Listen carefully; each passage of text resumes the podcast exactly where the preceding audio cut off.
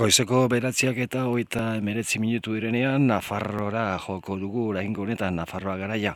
Atzo hain zuzen, Espainiako presidente Mariano Rajoy izan zen Iruñan, eta atzean jakina, hauteskundeak. Mikel Bujanda, Euskal Herria Irratiko zuzendaria, egun hon? Egun hon Iruñatik. Azteko, azteko, ba, atzo, Mariano Rajoy, Espainiako presidentea, Iruña izan zen, hor UPN, PPR arteko akordioa, eta Nafarroa, Espainiarra. Bai, bueno, batetik, eh, Mariano Rajoy Espainiako presidente, baina aldi berean beste funtzio edo enplegu bat ere badu, Partido Popularreko buru da, eta atzo partiduaren izenean etorri zen, etena eginez, presidente lanak eh, tartea, usten baitiote, alakotarako numeit. Atzo ordu bete motzeko egonaldia egin zuen hemen iruñan, UPN-erekin egin duten akordio elektorala izen petzera etorrita eta alaxe egin zuen, Javier Espartza, UPNkoa alde batetik, eta Mariano Rajoy, Partido Popularreko e, presidente denezkero bestaldetik. Egin dute akordioa, elkarrekin e, agertuko dira, e, abenduko hogeiko hauteskundetan.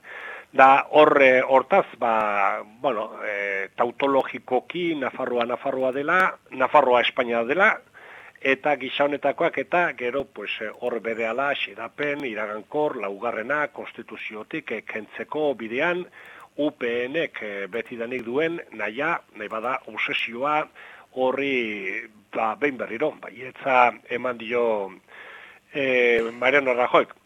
Zein da gaia? Hemen Nafarroan gaurko egunean dagoen auzi nagusia hori ote da bueno, betire adirazgarri hau hauteskunde kanpaina guzietan ateratzen eh, duten gaia da.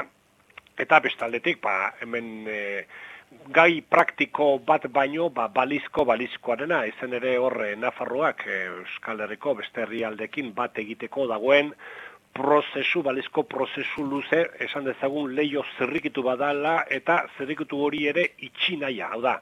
Nafarrek eh, aitortua duten erabakitze almen eh, txikita estua hori ere ukatu.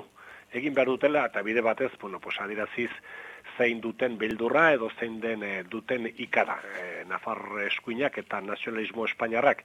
Bueno, pues hori eh, funtsian eh, atera dutena. Hor interesgarri da ikustia nola gai horri, garrantzi handiagoa ematen dioten Madrigo periodikoek edo Euskal Autonomia Erkidegoek Nafarrokoek baino bandera bada ikur bada ezer e, funtzionala baino. Baina hortxe aderazgarria Partido Popularak eta UPN badute problema bat serioagoa eta zerrenda burua aukeratzerakoan. Diputado izan da azken urteotan Carlos Salvador eta ziurazki berriz ere izan nahi luke. Zer gertatzen da, Carlos Salvadorrek badu beltzune bat edo padu puntu ahul bat. Eta da, sikar batean, inbertsio fondo batean diruak dauzkala, zikab hoiek oso eztabaidatuak dira, tributazioa oso txikia dutelako, eta tributazioa gainera ez Nafarroan baizik Madrilen.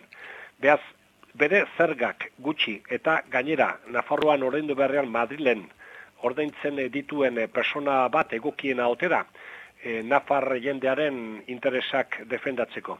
Ta gertatu da gainera, azken urteotan gutxenik hiru aldiz, Madego Kongresuan zikab hoien tratamendu fiskala aldatzeko plantamendu izan denean, kontrako botua eman du Carlos Salvador jaunak alegia bere interesen defensan.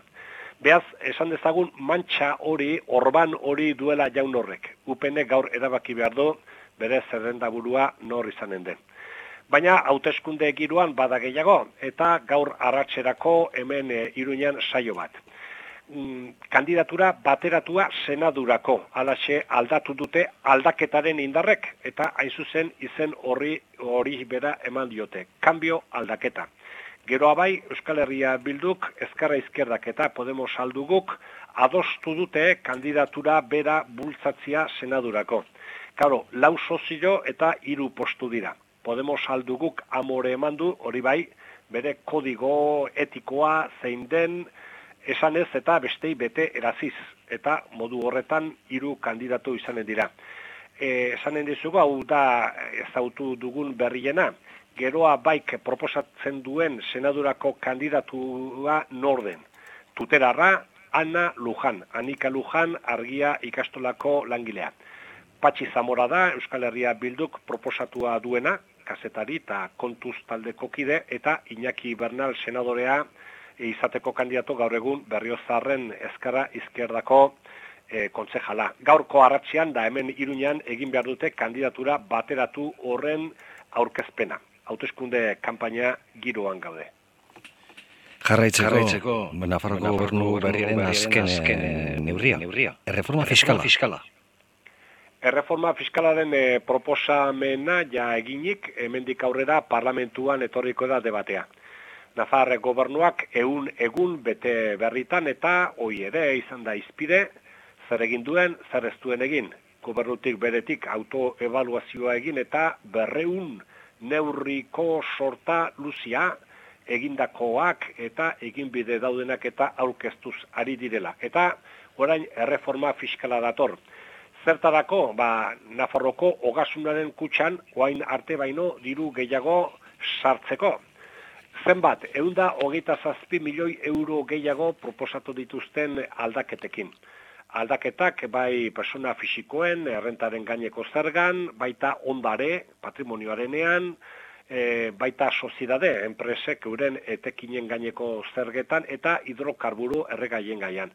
Bueno, emetxe debatea berehala, izan ere, eta hor e, proposatzen dutena, eta hola, e, argi entenditzeko, hogeita amabi mila euro edo gehiagoko diru sarrera dutenei, zerbait igoko zaie ordaindu beharreko zergen tasa.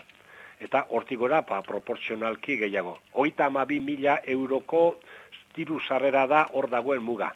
Hortik bera daudenei ingreso gutxienekoik jetxi harindu eginen diete zama. Eta beste jende mordoska bati egoera ba, oain artekoa geldituko zaie.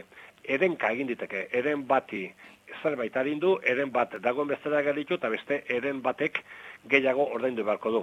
Bo, eskuina kor eskuan hartu du gaia eta erreforma fiskal horrekin Nafar jendea ito behar dutela, estutu eta estrujatu behar dutela, eta, bueno, bos, biztan da, horri aurka egin behar jotela. Gio, gertatzen da, bestaldetik, inbertsioak eh, planteatzen direnean, e, erreforma fiskalari kontra egiten dioten hoiek direla, adibidez, Nafarroko kanalaren bigarren fasea, oain bertan heldu eta ekin behartzaiola naiz e, inbertsio haundia izan eta horretarako dirurik ez izan. Baina, bueno, erreforma fiskalaren e, gai haundia izanen dugu, puska baterako debatea, gero, besteak etorriko dira, pentsatzen den bezala presupuestoen proiektua eta beste.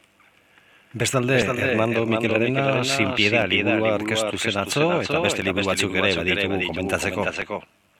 Bai, e, laburrean aipatuko dugu bat e, ametsa egia izenekoa, gaztelerazko bersioan La Realidad de un Sueño. Hau Nafarroko ikastolen elkarteak editaturik eta behaz alde honetako ikastolen historia berrogeita marrurte betetzen e, baitute eta hoi liburu batean e, jaso du Fermin Erbiti kazetariak. E, Geotoriko zezkiu beste zenbait e, kitalita saio, zehazki hilaren emeretzian egin behar dute hola, festa moduko bat. Hori alde batetik. Ta gero zuk zeniona Fernando Mikelarena historialari beratarrak egindako liburua, liburu mardula, sin piedad izen eman dio. Ta izenak eh, berak ere, adiera, adieraz garrila do, eta alde batetik garbik eta politikoa Nafarroan mila behatzen daugita maseian errepresoreengan jarririk begira da, orain arte biktimak eta hoiek zenbat izan diren da nortzu, baina hemen e, inoiz esan gabekoak edo esanak baldin badaude asaletik eta hoietan sakondu eta mm, egin du Fernando Mikelenak eta gogo eta batzuk ere planteatu. Sin piedad noski errepresorek nola jokatu zuten kupida gabe, baina irutzen zaigu Fernando Mikelarenak ere gauzak gordin-gordin esan dituela eta hortxe borrero hiltzaile izan zirenak hortxe agertzen direla erretrataturik. Zenbait kontzeptu gogoetarako ere, e, Fernando Mikelarenak eman dituenak, zergatik errepresoren impunidadea, nola gertatu den e, dokumentazioa suntsitzea, nola isiltasun paktu bat badagoen, eta iraganaren bertigoa e, esaten duen faktore eragilea ede, hau da, seme alabek edo hauen umeek e, ikara ez ote duten, e, ba, euren senitartekon bat, aita edo aitona, implikatua topatzea errepresio lanetan. Ta honek e, ekarri duela, mm, aurre juzku honek ekarri duela, tabu honek ekarri duela, gaiaz orain arte ez e, ikertzea eta ez lanik egitea. Beaz, bueno, negazionismoa ere, e, Europan, da, evidente eta egiaztatuak daude, zenbait gertaera ukatzea hori delitua da. Negazionismoaren kontzeptua eta hori ere atera du ez da liburu arras interesgarria berritzailea Fernando Mikelarenak egin duena sinpida dizenekoa hemen Nafarroan da mila behatzen da maseian gertatutako represioa garbik eta politikoa aztertuz eta bart aurkeztu da liburu hau pamilak editaturik. Bukatzeko Mikel, agendan, agendan. Iruña kantuz, eta oskorriren, agur. agur. Kantuz eta kantuz, e, bai, bihar e, larun bata, hilabeteko lehenengo larun batetan, e, iten da hemen, iruñeko karriketan, kantu saioa, eta bihar eguerdian, hemen, e, merkader eskaletik asita, eta jende koadeia undia bilduko da. Gainera, amargarren urtea da, alako ekimena egiten dela, eta hortaz e, bihar e, kaldean ibili ondotik kantu baskari bat ere antolatu dute. Ta gero bihar aratzean iruñeko balu arten oskorriren despedidia, hau da despedidia, bintzate iruñeko jendeari aio esateko kontzertua biharkoa, aspaldi, oso aspaldi, agortu ziren sarrera guziak, bihar aratzean eta iruñeko balu arten oskorri koek... E, oita, ba, urteren ondotik eh, hemen e, iruñan egin behar duten azkeneko saioa. Ta hau etxe dira, azte bururako hemen nota hartuta dazkagun oharrak. Mikel Lujanda, Euskal Herri Erratiko zuzendaria. Mila esker, gaur ere gurekin kolaboratzegatik eta ondo pasazte burua. Berdin zuek ere, nahi zuen arte. Agur. Agur.